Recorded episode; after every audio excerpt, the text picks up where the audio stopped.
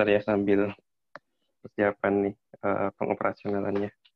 Ya Ustaz, ya, enggak apa-apa.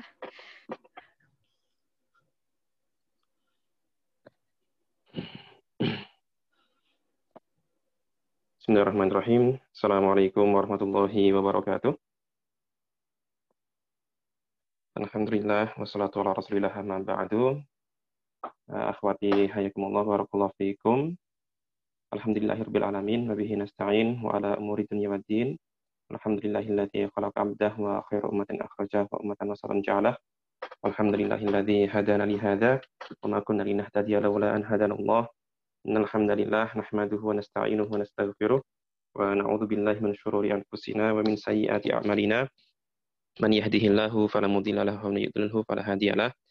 Asyhadu an la ilaha illallah wa asyhadu anna Muhammadan abduhu wa nabiyyuhu wa Wassalatu wassalamu ala habibina Mustafa Sayyidina Muhammad sallallahu alaihi wasallam wa ala alihi wa man tabi'ahu ila yaumil amma ba'du. Uh, ibu-ibu, teman-teman uh, Rumaisa, jamaah akhwat yang dirahmati Allah Subhanahu wa taala. Puji dan puji syukur kita kita aturkan kepada Zat Agung Allah Subhanahu wa taala, hanya kepada beliau, hanya kepada dia kita bermunajat, hanya kepada Allah Subhanahu wa taala, kepada dia kita menggantungkan semua harapan dan cita-cita kita.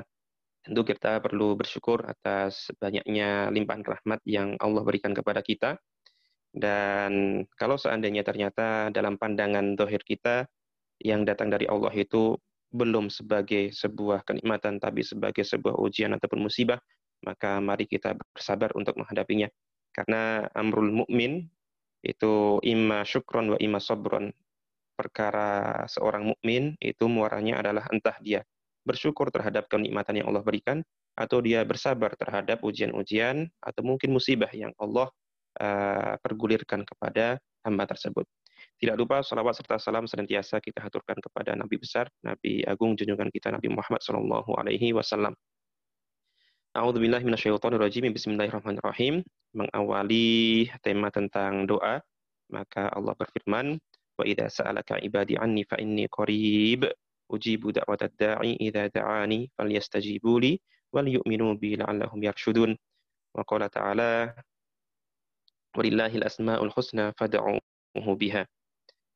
Eh, teman-teman uh, yang dirahmati Allah SWT tentang doa. Doa itu saya kira cakupannya luas nggih. Kalau uh, riwayat dari Ali bin Abi Thalib meriwayatkan dari Nabi Muhammad SAW, doa itu sebagai selahul mukmin, doa itu adalah sebagai senjata bagi kaum muslimin. Kemudian uh, doa merupakan kekhususan yang Allah berikan kepada kita sebagai umat Islam karena doa itu ibarat komunikasi atau uh, obrolan kita secara langsung antara makhluk dengan kholik, secara langsung antara abid dengan ma'bud, antara manusia dengan Allah Subhanahu wa taala. Saya katakan di sini sebagai sebuah kekhususan berinteraksi atau berkomunikasi karena bisa jadi di agama lain untuk uh, bermunajat, untuk dalam tanda petik ngobrol-ngobrol menyampaikan uh, keluh kesah, menyampaikan uh, harapan dan cita-cita.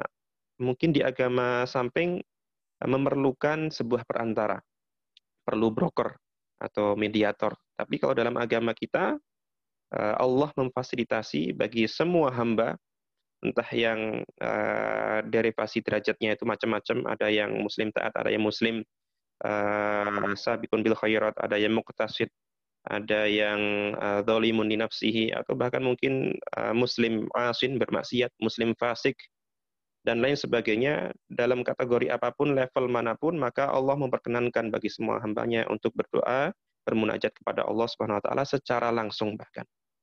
Nah, tentu ini sekali lagi uh, kesyukuran bagi kita sebagai umat Islam yang perlu kita maksimalkan. Karena segala sesuatu itu kan uh, hubungan kita fasilitasnya ya dengan doa itu. Bahkan sholat itu pun maknanya juga adalah doa. Sholat itu artinya adalah berdoa kepada Allah Subhanahu wa taala. Dan dalam rangka mengoptimalkan uh, komunikasi kita kepada Allah Subhanahu wa taala, maka kita perlu mengetahui bagaimana cara kerja doa itu dioperasikan. Sementara ini mungkin uh, kita mendengar tema-tema tentang doa, uh, doa apa ya? Uh, pertama tentang pembagian doa, adanya doa ibadah dan juga doa masalah. Kemudian tempat-tempat uh, mustajab doa, kemudian waktu-waktu mustajab doa. Ada juga adab-adab doa. Saya kira banyak sekali tema-tema uh, yang berkaitan dengan doa ini. Oleh karena itu, di antara hal-hal uh, yang berkaitan dengan doa tersebut, kita akan menyampaikan pada malam hari ini murojaah mungkin tepatnya ya murojaah tentang al-awqat al-mustajabah waktu-waktu yang mustajab untuk kita uh, menyampaikan doa-doa kita kepada Allah Subhanahu wa taala. Tapi sebelum itu kita akan membahas tentang waktu mustajabnya. Artinya waktu-waktu yang secara teks ada waktu-waktu yang secara tertulis disampaikan oleh Nabi Muhammad Wasallam untuk kita berdoa fadilah-fadilah waktu tersebut. Tapi sebenarnya ini tidak menafikan adanya waktu-waktu lain, waktu-waktu bebas yang eh, kapan pun, di mana pun, selama tempat itu adalah tempat yang baik, tidak dilarang untuk eh, zikir, baca Al-Quran, maka uh, ruang dan waktu kita itu terbuka untuk menyampaikan munajat kita kepada Allah Subhanahu wa taala. Maksudnya ketika kita nanti sudah uh, mengetahui tentang waktu-waktu mustajabah untuk berdoa, tapi bukan berarti di luar waktu-waktu yang tersebut secara letterlek itu kita tidak berdoa. Karena bisa jadi begini, ada kalanya kita mendapatkan waktu uh, yang mustajab. Di sana ada teksnya, ada hadisnya. Ini waktu mustajab. Tapi kemudian bisa jadi kekhusyuan kita, kehadiran uh, jiwa kita tidak uh, hadir di sana. Justru malah hadir di uh, bisa jadi waktunya tidak tersirat dalam uh, yang akan kita sampaikan ini, tapi kemudian kekhusyuan itu muncul. Tadorok itu muncul, rasa rendah diri di hadapan Allah Subhanahu wa taala, rasa harap kepada Allah Subhanahu wa taala, plus juga uh, husnudzon optimis kepada Allah Subhanahu wa taala itu semuanya muncul. Nah, itu bisa jadi di waktu-waktu itu juga uh, merupakan waktu yang tepat untuk menyampaikan eh, harapan-harapan kita kepada Allah Subhanahu wa taala. Baik, tidak memperpanjang mukaddimah, kita sampaikan tentang beberapa waktu-waktu mustajab untuk berdoa kepada Allah Subhanahu wa taala. Yang pertama tentu sama-sama kita maklumi tapi ini waktu yang sifatnya tahunan ya. Artinya kalau seandainya kita terlewat dari Eh, malam itu, maka susah untuk mengulanginya di hari-hari berikutnya. Harus nunggu satu tahun lagi. Yang pertama adalah uh, Lailatul Qadar atau uh, sering kita mendengar sebagai malam seribu bulan. Dalam hal ini ada salah satu hadis dari Aisyah dalam maqalat lahu ketika itu Rasulullah uh, bersama dengan Aisyah radhiyallahu anha. Dan Aisyah berkata kepada Nabi Muhammad sallallahu alaihi wasallam Ara'aita in alimtu ayya lailat Ara'aita in alimta ayya lailati ayya lailatin lailatul qadr ma aqulu fiha. Qala qawli Allahumma innaka afun tuhibbul afa fa'fu anni. Intinya ini uh, mengisyaratkan tentang keistimewaan malam Lailatul Qadar. Tapi sekali lagi ini durasinya terbatas gitu ya. Durasinya terbatas. Hanya berlaku pada satu malam di malam-malam ganjil di 10 hari terakhir dari bulan Ramadan. Yang kedua adalah ad-du'a'u fi jawfil lail. Jawfun itu artinya pertengahan, yaitu berdoa di pertengahan malam. Tapi kemudian kita uh, ada turunannya ya, ada pertengahan berarti kan setengah nih. Ada setengah malam, ada sepertiga malam. Jadi Islam itu sangat rinci sekali ketika membahas waktu. Kalau uh, jamaah sekalian, teman-teman sekalian memperhatikan sumpah-sumpah yang Allah gunakan di antaranya kan tentang waktu. Dan waktu itu kan ternyata banyak sekali dijadikan sebagai uh, adatul qasam oleh Allah Subhanahu wa taala. Ada kalanya dengan waktu pagi saja di sana ada fajar, ada waktu sahur, ada waktu duha, kemudian siang hari juga seperti itu, uh, sore hari juga seperti itu, malam hari eh, potongan-potongan waktunya itu banyak sekali. Termasuk berkaitan dengan uh, doa fi jawfil lail, doa di pertengahan malam ini pun juga memiliki bagian-bagian khusus tersendiri. Apalagi di Jawful Lail di pertengahan malam tersebut merupakan waktu di mana Allah Subhanahu wa taala nuzul dalam artian turun ke uh, bumi. Tentu di sini kita tekankan bahwa turunnya Allah Subhanahu wa taala kaifiyahnya, hakikatnya hanya Allah Subhanahu wa taala yang mengetahui. Kita hanya beriman kepada uh, nuzul yang Allah beritahukan, informasikan kepada kita tanpa harus mengulik-ulik atau mendetailkan tentang uh, kaifiyahnya, tentang tata caranya, atau tentang uh, gambaran-gambarannya. Ala kulihal, laisa kami terlihat syai'un. Turunnya Allah tentu tidak seperti uh, turunnya makhluk pada umumnya. Pada malam hari di sebuah keheningan, kemudian uh, dikatakan dalam Al-Quran, Inna nasyi'ata layli hiya asyaddu wata'an wa aqwamu qilan malam hari uh, momen di mana kesibukan-kesibukan duniawi itu rata-rata ditinggalkan. Tentu kita tidak sedang membahas pengecualian-pengecualian seperti di Korea, di mana ada istilah yagan kerja di shift malam hari, tapi tobi'inya, tabiat pada uh, aktivitas manusia, biasanya mereka di siang hari mereka disibukkan dengan ikhtiar-ikhtiar duniawi, baru kemudian di malam hari mereka beristirahat dan setelah beristirahat itulah kita bangun untuk mengambil air wudhu, kemudian uh, menyempurnakan wudhu tersebut, baru kemudian sholat, dan kemudian menyampaikan munajat-munajat, permintaan-permintaan kita, impian-impian kita kepada Allah Subhanahu wa taala. Karena diistilahkan bahwa di waktu-waktu itu dalam keheningan itu Allah mendengar doa-doa hambanya entah dia dengan taturruk entah dia dengan khufyah entah dia dengan uh, apa mensirkan walaupun dia berkata-kata berbisik-bisik tapi tentu Allah Maha mendengar bisikan-bisikan yang kita sampaikan dalam uh, khusuknya sujud kita di atas bumi, di atas sajadah kita, kemudian berbisik-bisik kepada Allah Subhanahu wa taala, maka Allah pasti mendengar keluh kesah kita dan juga harapan-harapan kita. Itu adalah waktu yang kedua yaitu fi jawfil laili di pertengahan malam hari. Kemudian uh, yang ketiga adalah dubur solawat al-maktubat. Uh, saya katakan dengan istilah Arab karena memang ada perbedaan pendapat nggih. Dubur itu aslinya adalah uh, ekor atau bagian belakang seperti itu. Sebagian ulama memahaminya dubur solawat itu ya bagian akhir dari sholat, tapi masih nyambung dengan sholat. Berarti posisinya adalah setelah tahiyat akhir, kemudian sebelum uh, salam. Ada yang memahami duburu solawat al-maktubat itu seperti itu. Ada yang memahami bahwa Eh, bagian akhir dari sholat itu duburu sholawat sebagai bagian akhir dan itu posisinya sebelum uh, salam. Ada juga yang memahami bahwa duburu sholawat al-maktubat itu adalah doa-doa yang disampaikan setelah selesai sholat alias ba'da salam. Tentu uh, tanpa harus uh, mengkonfrontasikan antara dua pendapat ini, saya kira kita bertoleransi terhadap apa-apa yang terjadi ikhtilaf dalam hal furuk seperti ini. Tidak perlu kita uh, panjang lebarkan.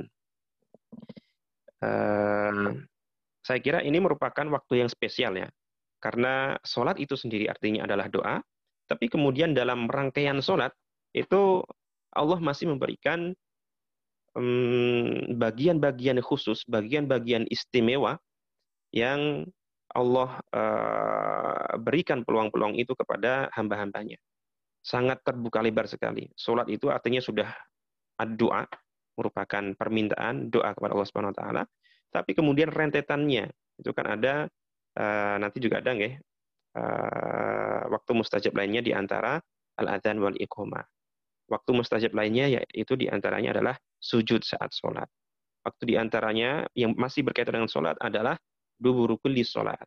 Entah itu mau dipahami sebelum salam, karena memang ada hadis khususnya itu, atau mau dipahami setelah uh, sholat atau setelah salam.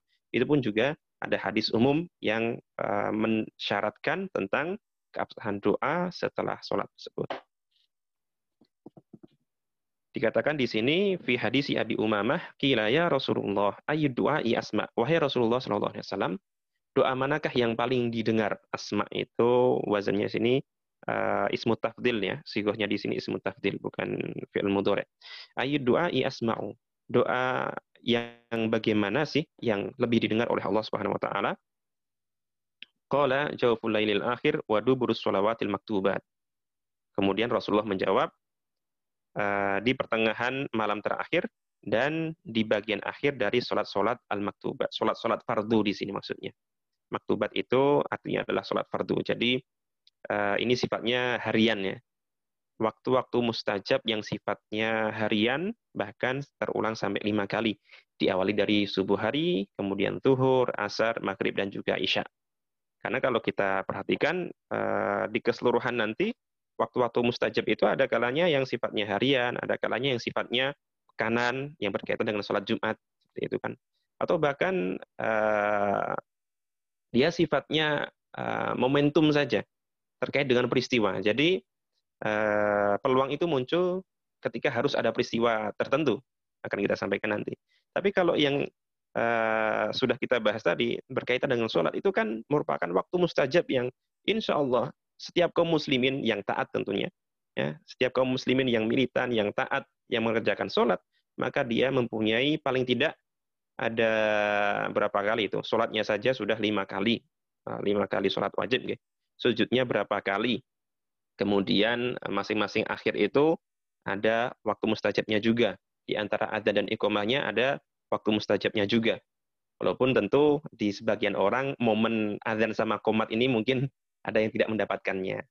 Khususon bagi eh, teman-teman uh, kita yang uh, sebagai perempuan karir bekerja atau bahkan bisa jadi ada yang bekerja di pabrik, maka memang ada beberapa waktu yang tidak bisa didapatkan uh, bagi sebagian teman-teman kita. Itu yang ketiga, yaitu bagian akhir dari sholat. Kemudian uh, yang keempat adalah bainal adhani wal iqamati. Antara adzan dan iqamat. Dikatakan di sini la yaruddu du'a bainal adhani wal iqamah. La yuruddu du'a bainal adhani wal iqamah. Tidak uh, ditolak sebuah doa yang dipanjatkan antara adzan dan iqamah. Maka eh, di antara adzan dan iqamah ini selain kita sholat tahiyatul masjid atau mungkin qobliyah di sana juga ditekankan tentang doa karena di sini sigoh atau redaksi tentang keistimewaan waktu-waktu itu kan macam-macam. Kalau sebelumnya tadi ayu doa asma, doa yang bagaimana atau doa yang kapan yang paling didengar. Kemudian di sini lebih tegas lagi pakai redaksi la yuraddu du'a bainal adzani wal iqamah. La yuraddu itu tidak tertolak. Tidak tertolak sebuah doa yang dipanjatkan antara adzan dan iqamat. Maka sangat beruntung sekali musini wa Allah bagi uh, teman-teman sahabat-sahabat yang masih mendapatkan lingkungannya suasana sholat yang ada adzan dan iqamahnya. Karena bisa jadi yang kita sampaikan tadi, bisa jadi ada sebagian sahabat kita, sebagian teman kita yang tidak mendapatkan momen ini, momen adzan dan iqomah. Maka uh, terenyuh sekali kalau seandainya kita mendengar curhatan-curhatan jamaah, ya Allah Ustaz, ini bisa jadi adzan pertama kali saya yang saya dengar setelah sekian bulan, sekian purnama saya tidak mendengarkan adzan.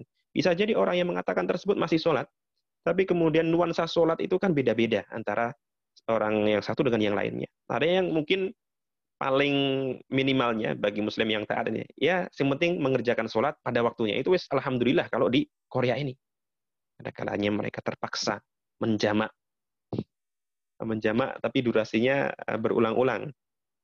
Eh, dan bisa jadi uh, udurnya tidak signifikan kalau di Indonesia. Tapi kalau di konteks di Korea bisa jadi ya apa uh, udur-udur darurat itu macam-macam.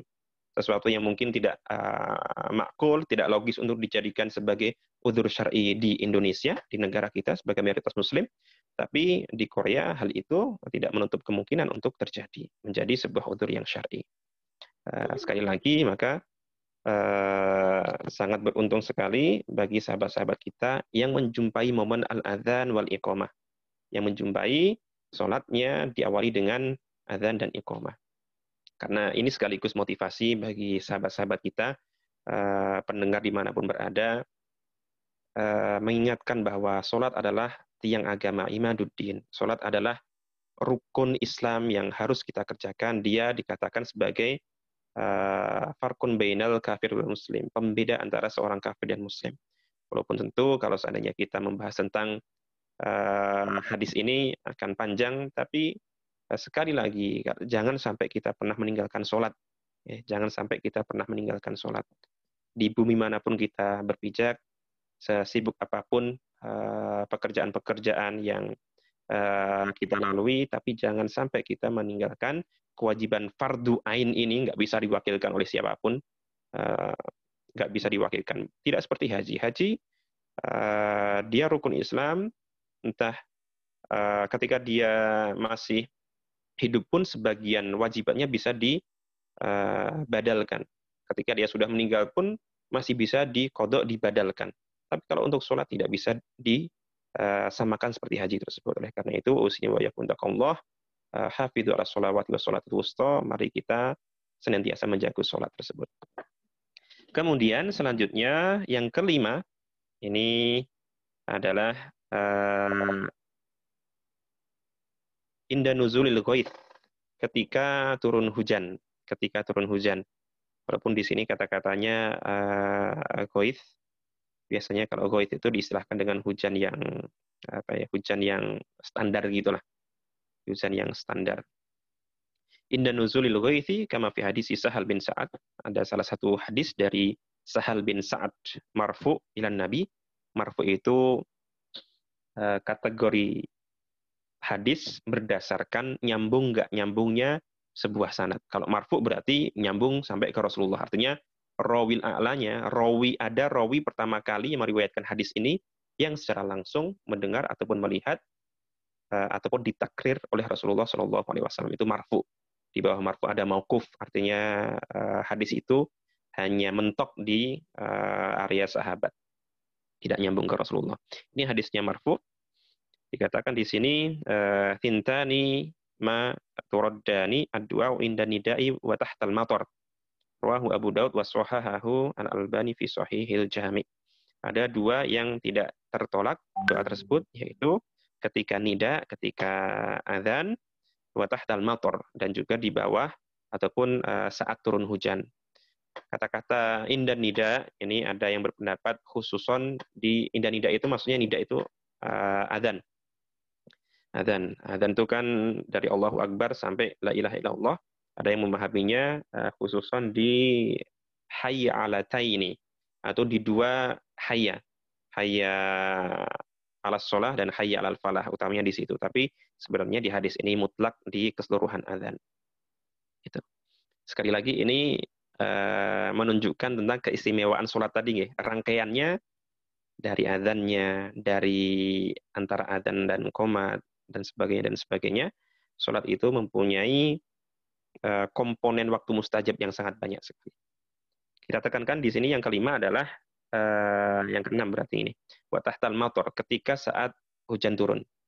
Karena hujan sendiri itu kan sering kali dikatakan dalam Al-Quran sebagai rahmah, sebagai anugerah, sebagai rizki.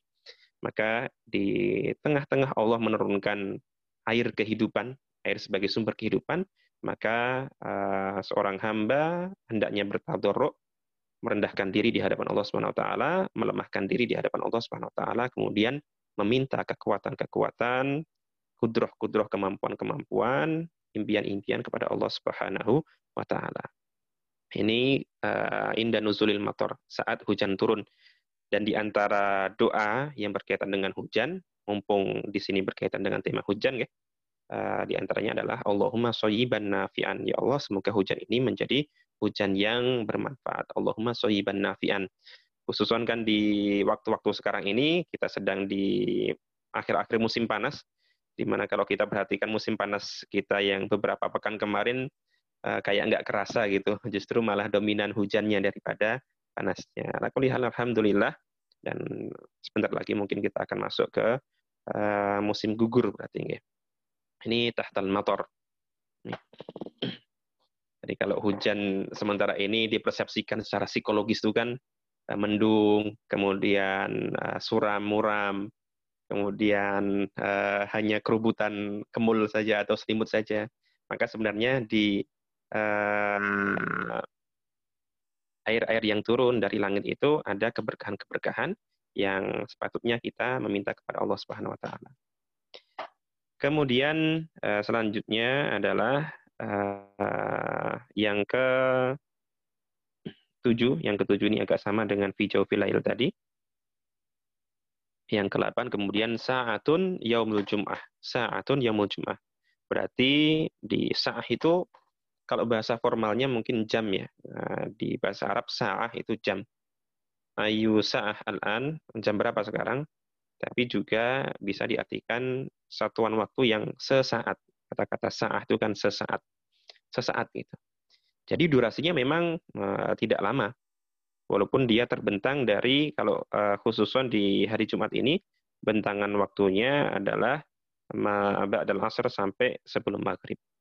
Faqad dzakara Rasulullah sallallahu alaihi wasallam yaumal jum'ati faqala fihi sa'atun la yuwafiquha 'abdun muslimun qa'imun yusalli yas'alullaha ta'ala syai'an illa a'tahu iyyahu wa biyadihi yuqalliluha.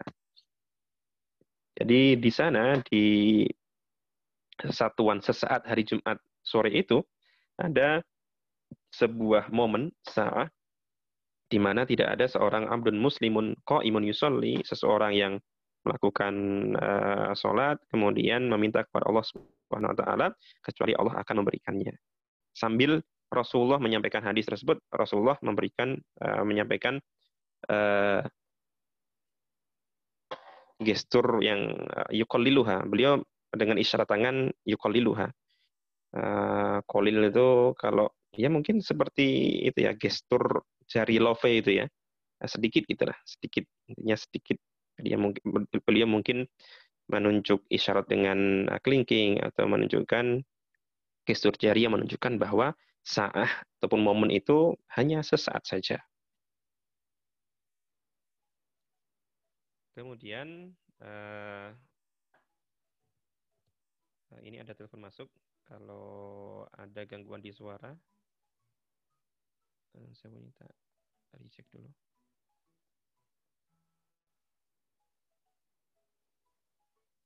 Afan, Mbak Panitia, ini ada gangguan nggak suaranya? Ada ringtone yang masuk ini soalnya.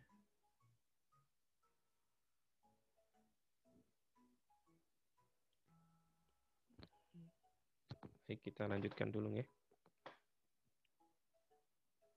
Oke, okay. uh, Afan, saya recheck dulu. Ustaz Afan.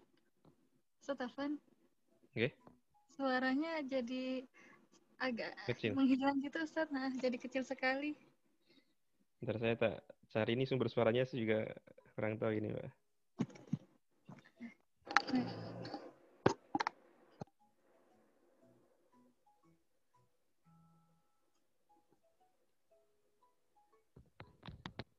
Halo Ustaz. Iya. Ini kok di HP saya tidak muncul ya, Mbak? Saya tak keluar sebentar nggih, nyari sumber suaranya. Masih kecil Ustadz, apa saya nggak bisa mendengar dengan jelas. Bentar.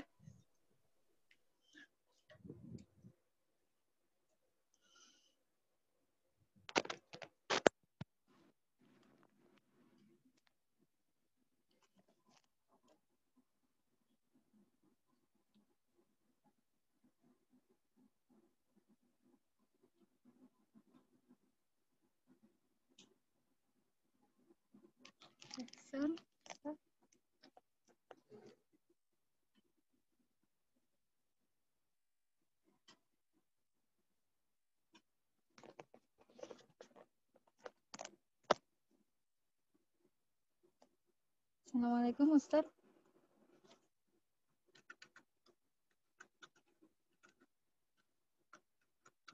Aku Ustadznya tadi minta izin keluar Mbak oh. MC sebentar buat buatnya buat benerin suaranya kayaknya. Iya ya, baik terima kasih Mbak.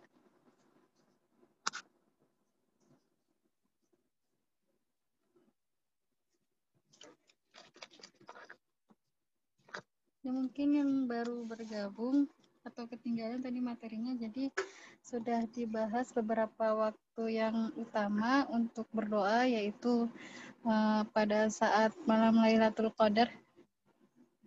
Yang pertama, yang kemudian di pertengahan, pertengahan malam atau yang kita kenal dengan saat ini ya sholat tahajud itu. Kemudian di akhir sholat baik ada beda pendapat ya ada yang bilang saat masih sholat atau setelah sholat.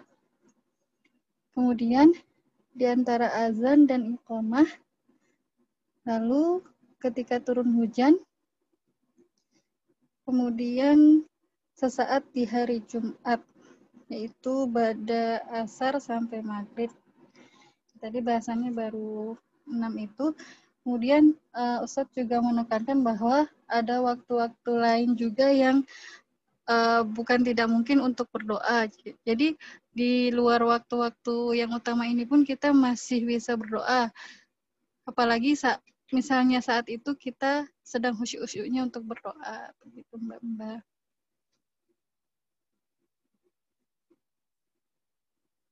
Kita tunggu Ustadz sebentar ya, Mbak Mbak. Mungkin kalau udah ada pertanyaan bisa diketik langsung di uh, kolom chat. Mulai dari sekarang boleh.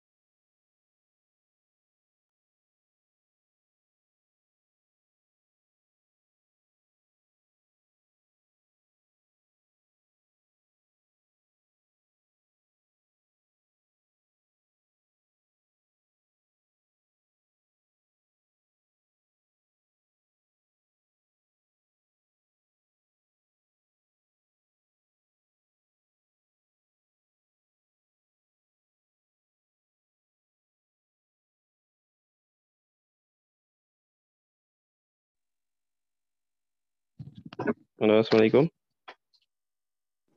Waalaikumsalam warahmatullahi Iya, Ustaz, sudah jelas suaranya. Uh, Van tadi ada yang nelpon di HP tapi nggak muncul Mbak. Dia reguler atau WhatsApp. Kemudian uh. dia nelpon saat HP satu lagi. Ada orang mualaf intinya mau uh, mau ngobrol kita tak stop dulu. Ya gimana uh. ini jadinya? Uh, kalau sudah ya, 30 menit kita akhiri dulu nggak apa-apa.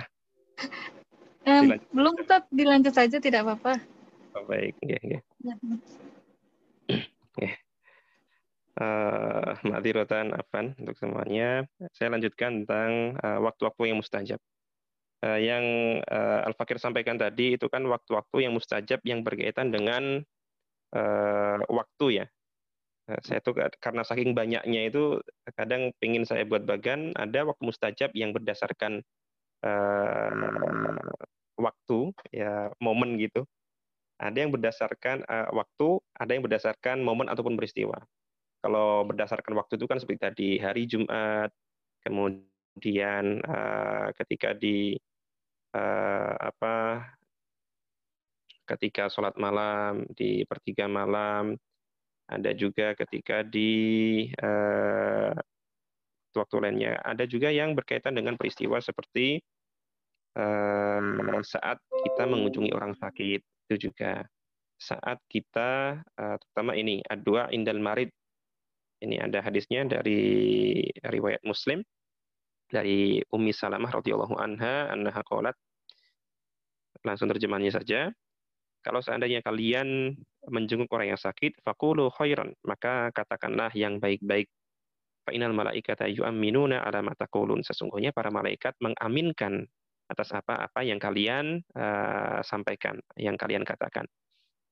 Maka kemudian ini dari Ummu Salamah mengatakan, "Falamma mata Abu Salamah itu Rasulullah." Maka ketika Abu Salamah atau suami dari Ummu Salamah meninggal, beliau mendatangi Rasulullah Shallallahu alaihi wasallam, "Faqultu inna Abu Salamah qad mata." Sesungguhnya Abu Salamah sudah meninggal wahai Rasulullah. Faqala dan Rasulullah pun menjawab, "Quli Allahumma gfirli walahu aqibni minhu uh, uqban uqbar hasanah."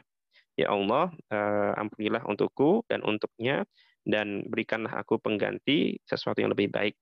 Qalat maka Ummu Salamah mengatakan faqult faqabani Allahu man huwa khairun li minhu.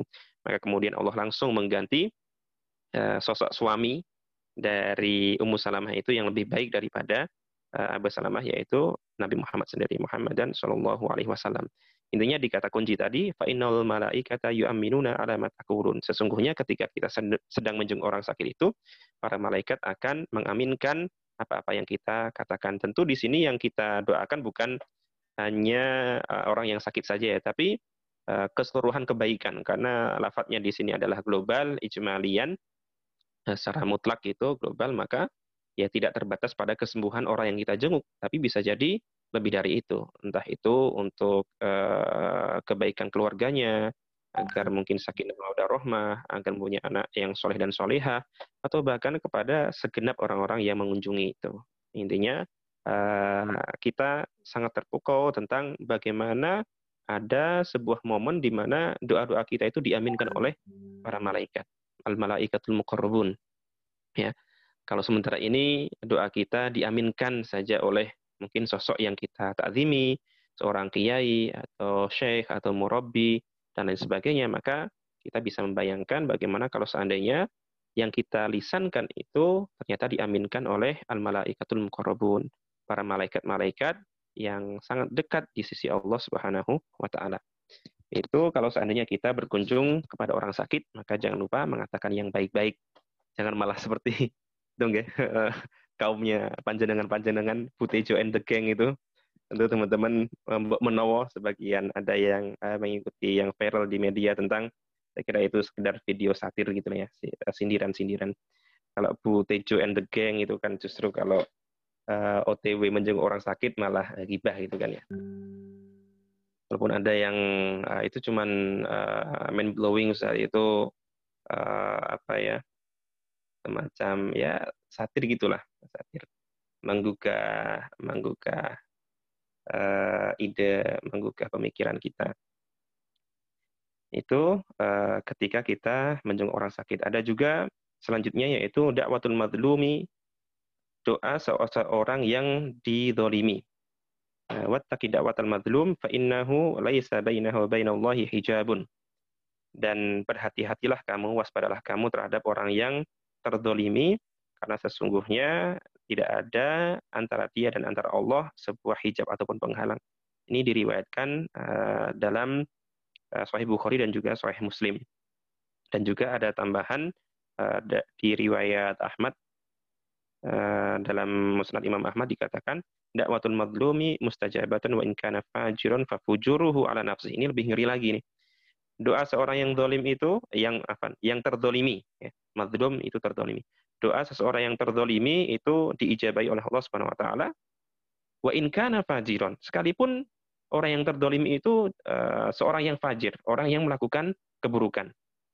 Istilah fajir itu kalau dalam bahasa Arab di sini dikatakan uh, fafujuruhu ala nafsi. Kefajirannya itu atau mungkin kampanye yang lebih sering kita dengar istilah kemaksiatan gitulah. Karena kemaksiatannya itu untuk diri dia sendiri. Jadi ternyata Allah pun juga membedakan antara orang yang berbuat salah. Ada orang berbuat salah itu dia melukai, mendolimi dirinya sendiri dengan mendolimi orang lain. Sama-sama dolimnya tapi uh, mempunyai uh, nilai kedoliman yang berbeda. Kira-kira seperti itu. Artinya apa? Allah sangat menjaga sekali hormatun nas, sangat menjaga sekali uh, kehormatan dan hak-hak kemanusiaan. Sebelum heboh tentang HAM dan lain sebagainya, maka percaya pede saja bahwa agama kita sudah care banget, aware banget dengan yang namanya hak-hak kemanusiaan. Kalau bahasa usul fikihnya hukukul ibad gitu ya. Ada hukukul ibad, ada hukukullah, ada hak uh, manusia, hak hamba itu maksudnya hak manusia. Ada juga hak Allah Subhanahu wa taala. Dan di sini dikatakan kalau yang tadi kan tidak ada kata-kata wa ingkana fajiron ini muncul di redaksi Musnad Imam Ahmad. Uh, dakwatul matlumi mustajabah wa in kana fajirun. Doa seseorang yang tertolimi itu diijabai oleh Allah, sekalipun dia bisa jadi orang yang fajir, orang yang uh, pernah melakukan kemaksiatan seperti itu. Kenapa? Karena fujuruhu ala nafsih. Karena orang yang fajir itu fujurnya kemaksiatannya terbatas pada dirinya sendiri. Nah, tentu di sini saya ingin menggarisbawahi bahwa doa orang yang terdolimi di sini, hmm, apa ya tadi?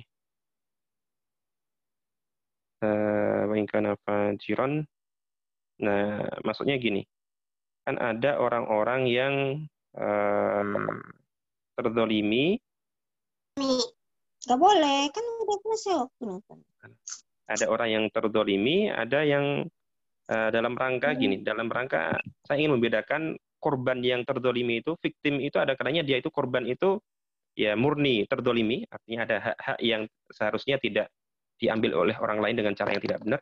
Ada yang si korban yang seolah-olah terdolimi, tapi sebenarnya itu bagian dari uh, apa ya uh, bala ataupun balasan Allah di dunia.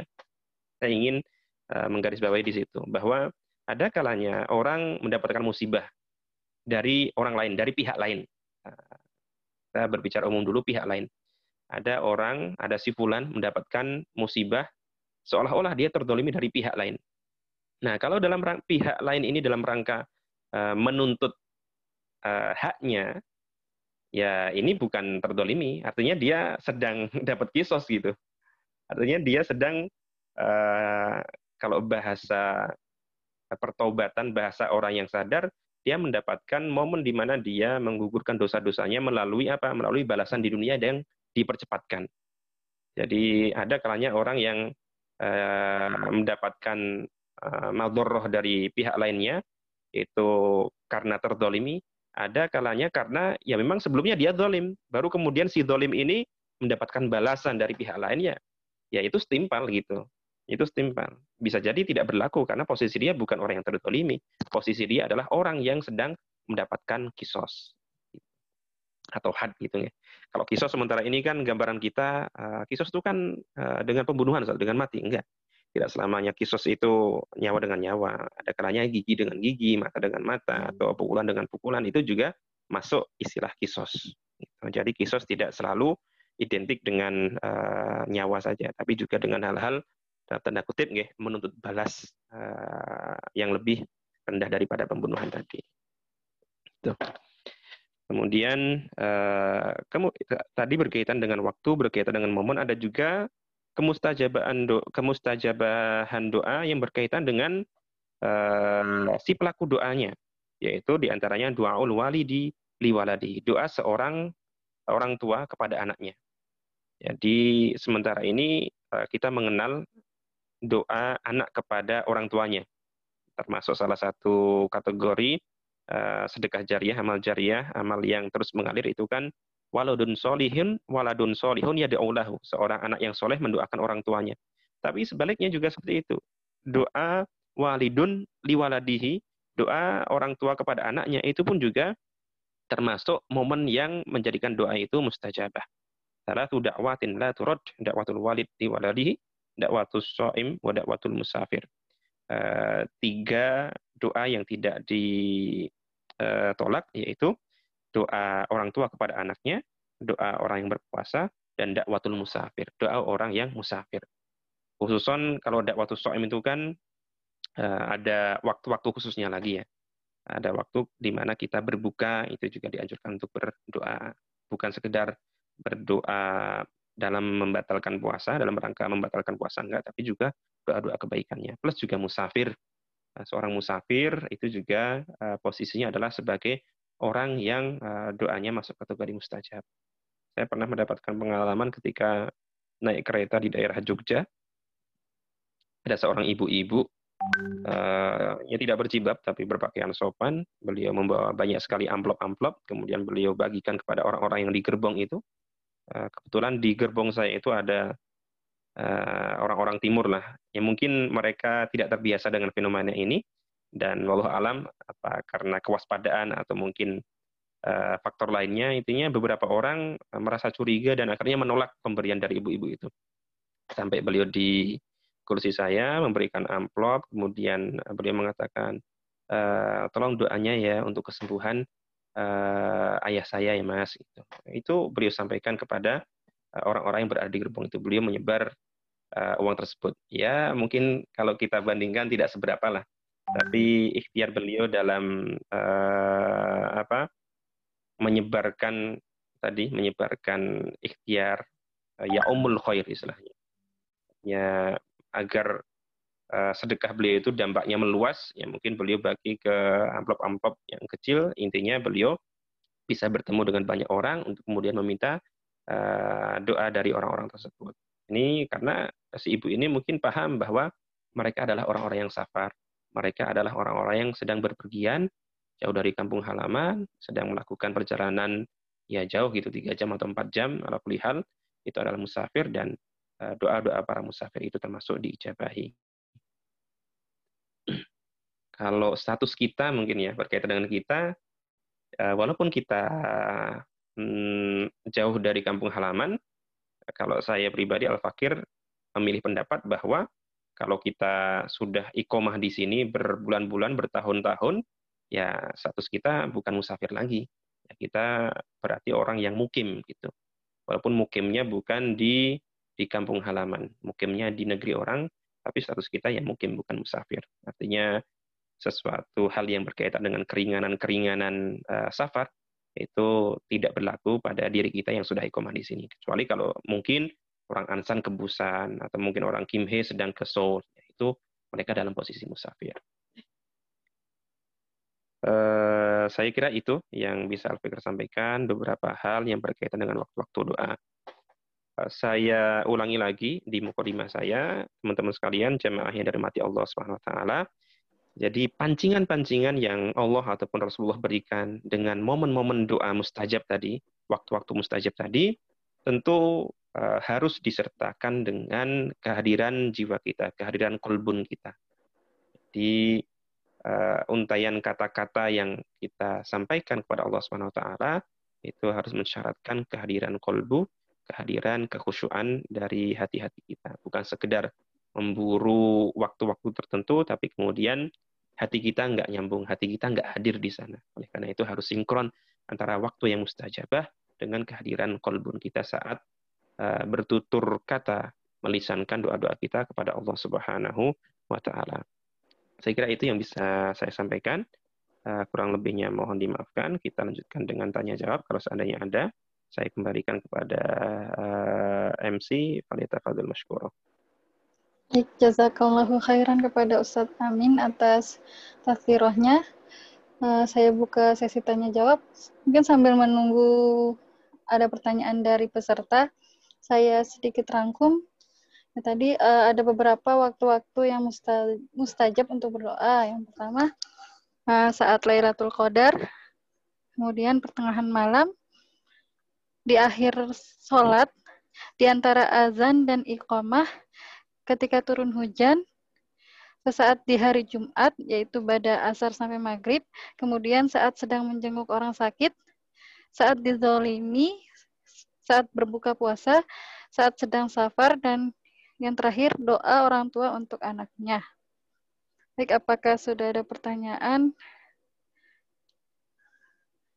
Ya, ini ada pertanyaan yang masuk, Ustadz. Uh, tadi udah tadi kan sudah dibahas tentang doa di sujud rokaat terakhir. Itu bagaimana dalilnya Ustadz? Doanya menggunakan bahasa apa? Di dalam hati atau boleh dilafazkan? Kalau hmm. Nah, kalau kalau ada dalilnya apa apakah dibolehkan pada saat jadi makmum sholat berjamaah? Iya, iya, iya. Baik.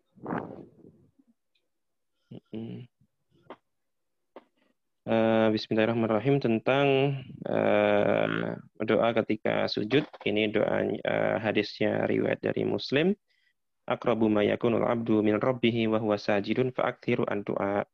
Sesungguhnya posisi paling dekat antara seorang hamba dengan Robnya yaitu ketika dia sajid saat bersujud faktiru doa maka perbanyaklah doa. Di sini dikatakan uh, hanya sajid saja. Maka para ulama pun juga tidak membatasinya hanya ketika sholat.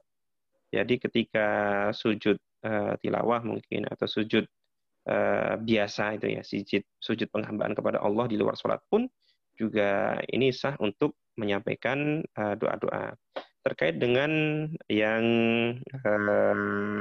sujud tadi ketika saat sholat, maka kalau saya memilih pendapat yang mengatakan bahwa doa ketika sholat harus diucapkan dengan yang berbahasa Arab gitu. Karena uh, segala sesuatu ungkapan-ungkapan yang di luar bacaan ataupun bacaan sholat atau uh, bahasa Arab maka tidak diperkenankan di uh, dalam sholat. Gitu. Jadi ketika sujud, kalau saya pribadi tidak um, diperkenankan berdoa ketika sujud ya setelah kita baca tasbih itu kemudian ya Allah berikanlah hamba uh, harta yang halal yang melimpah. Uh, tidak seperti itu. Ya harus dengan uh, apa redaksi-redaksi kata-kata yang berbahasa Arab. Adapun mungkin kita punya hajat-hajat yang tidak bisa kita ekspresikan dengan bahasa Arab ya sebut itu dalam batin saja dalam hati saja. Insya Allah uh, Allah ya'lamu ma fi sudur, Allah mengetahui yang ada di dalam sanubari-sanubari kita. Kemudian uh, tentang kalau seandainya dalam berbahasa Arab itu ada beberapa redaksi yang uh, dari Al-Quran. Kira-kira boleh nggak membaca doa yang itu bagian dari Al-Quran? Saya pernah mendengar dari Ustadz uh, Khalid Riza Basalamah walaupun karena sebenarnya kan ada hadis lain yang mengatakan bahwa ketika kita sujud maka boleh berdoa tapi jangan pakai Al-Qur'an. Nah, tapi kemudian ada doa yang kita ambil dari Al-Qur'an. Maka di ayat-ayat yang uh, statusnya seperti itu, dia bagian dari Al-Qur'an tapi dia uh, merupakan ayat doa, maka boleh dibaca. Uh, dengan sambil itu ya, sambil memperhatikan tadi Artinya ketika kita membaca doa itu, walaupun dia dari bagian Al-Quran, tapi kita niatkan itu sebagai bacaan doa bukan bacaan Al-Quran. Bisa. Ya, menurut pendapat beliau bisa dan saya kira ini mampu. Contohnya kan uh, Rabbana atina fid hasanah itu saya kira doa masyhur gitu ya. Atau mungkin uh, Rabbana hab lana min azwajina wa itu kan juga dari Al-Qur'an. Nah, kita mungkin hafalnya itu ya tidak masalah kita baca doa itu dengan catatan itu kita ucapkan sebagai uh, bacaan doa gitu, bukan bacaan tilawatul Quran. Saya kira itu yang bisa saya sampaikan terkait uh, pertanyaan tadi. Syukron. Baik, terima kasih atas jawabannya Ustadz. Kemudian ada pertanyaan selanjutnya. Saya pernah mendengar tentang doa di hari Jumat yaitu saat khutbah sampai sholat Jumat. Apakah itu benar? Kemudian bolehkah berdoa saat sedang khutbah? Uh, itu benar. Termasuk bagian dari rangkaian sholat Jumat yang ada momen mustajabahnya. Uh, selain sore hari Jumat tadi juga uh, istilah hadisnya itu hina julusil imami indal khutbati hatta tuqtus sholat sampai dia itu sampai si khotib itu pergi menuju sholat. Artinya diperkenankan gitu uh, khususan itu ya pas duduk di antara dua khutbah itu kan uh, si khotib duduk kemudian maka biasanya khotib itu ketika duduk di antara dua khutbah itu kan uh, salah satu yang dijadikan sebagai apa ikhtitam khutbah pertama itu kan mengingatkan tentang doa gitu. Iya, itu benar. Betul. Lalu Ustadz, apakah boleh, oh, nggak apa nggak apa-apa ya Ustadz saat uh, imam sedang sedang khutbah kita berdoa gitu Ustaz? Uh, ini karena kan mendengarkan khutbah itu termasuk anjuran ya. Jadi kalau seandainya doa kita itu sampai melalaikan kita mendengar khutbah, maka jangan cari waktu yang tidak uh, bertabrakan dengan uh, mendengarkan tadi. Karena kan uh, khutbah itu harusnya al-insot kita dengarkan, jangan sampai kita uh, lago jangan sampai kita apa uh, acuh atau mungkin tidak fokus terhadap khutbah. Jadi kalaupun berdoa ketika khutbah maka ya ambil beberapa waktunya saja. Jangan menghabiskan porsi khutbah dengan kita dermimil doa sendiri itu jangan. Kalaupun mau khusuk pas doa ya tadi ketika imam duduk di antara dua khutbah. Baik, terima kasih atas jawabannya Ustadz. Kemudian ada pertanyaan lagi. Ini di luar tema tapi masih tentang berdoa. Ustadz apakah boleh? Boleh, monggo. Nah, bagaimana jika kita merasa takut untuk berdoa, merasa tidak pantas karena merasa diri penuh dosa? Nggih, uh, justru oh sini banyak Allah uh, ahadan kita tidak sedang uh, menilai derajat orang-orang tapi gini justru kita itu nggak pantas kita hina dina kita banyak melakukan maksiat justru itulah kita berdoa kepada Allah Subhanahu wa taala. Jadi jangan samakan zat Allah Allah sebagai khalik sebagai ma'bud dengan makhluk. Kalau kita mungkin gak, uh, eh, kalau kita bermuamalah, berinteraksi dengan manusia, ketika kita punya salah, kita merasa tidak pantas di hadapan seseorang, mungkin kita menghindari orang tersebut. Entah orang itu dalam artian mungkin ya orang tua, oh saking lamanya kita durhaka sama orang tua, kita lupa sama orang tua, atau mungkin tokoh tertentu atau orang tertentu atau dalam hal sederhana ya teman kita, kita mungkin menjaga jarak, kemudian menghindari pertemuan dengan orang-orang itu. Tapi kalau dengan Allah jangan pakai sudut mata manusia seperti itu. Justru ya, justru ketika kita berada pada momen itu merasa jijik dengan diri sendiri, merasa, uh saya sangat banyak dosa sekali Ustaz. Allah sangat welcome sekali terhadap orang-orang seperti itu. Tidak kekurangan banyak sekali kisah-kisah hadis-hadis sahih yang bercerita tentang uh, kemaksiatan seorang hamba, tapi kemudian dia tetap bertakorup kepada Allah, minta ampunan kepada Allah, dan pada akhirnya Allah pun Eh, mengijabahi pertobatan, mengijabahi istighfar ataupun permohonan ampunan dari orang tersebut.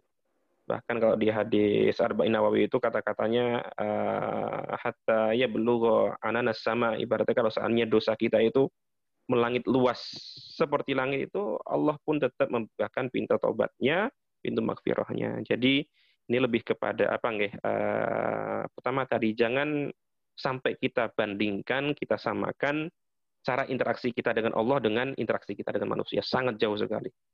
Kalau manusia mungkin tadi lah, mungkin ya sama-sama uh, orang yang disalahi ingin menghindar, orang yang bersalah juga ingin menghindar. Itu dua-duanya mungkin klop lah, sama-sama menjauh, bertolak belakang. Tapi kalau Allah tidak, kalau Allah, kalau seandainya kita melakukan kesalahan-kesalahan, entah itu kesalahan dalam hukukul adami, hukukul ibad, ataupun hukukullah, hak Allah subhanahu wa ta'ala, kita bermaksiat kepada Allah Subhanahu wa taala tapi Allah tetap membukakan hmm. pintu taubat dan maghfirahnya. Jadi usini wa yakum fittakullah uh, mari kita tafiru ilallah kita bersegera lari kepada uh, Allah Subhanahu wa taala untuk meminta ampunan dan juga pertobatan. Itu. Uh, selamat namanya selamat bermunajat pede saja Allah tidak akan menutup uh, dirinya dari hamba-hambanya. Baik, terima kasih atas jawabannya Ustadz. Ada pertanyaan satu lagi boleh Ustadz? Boleh. Ya. Tadi disebutkan bahwa doa yang mustajab itu doa orang tua kepada anaknya.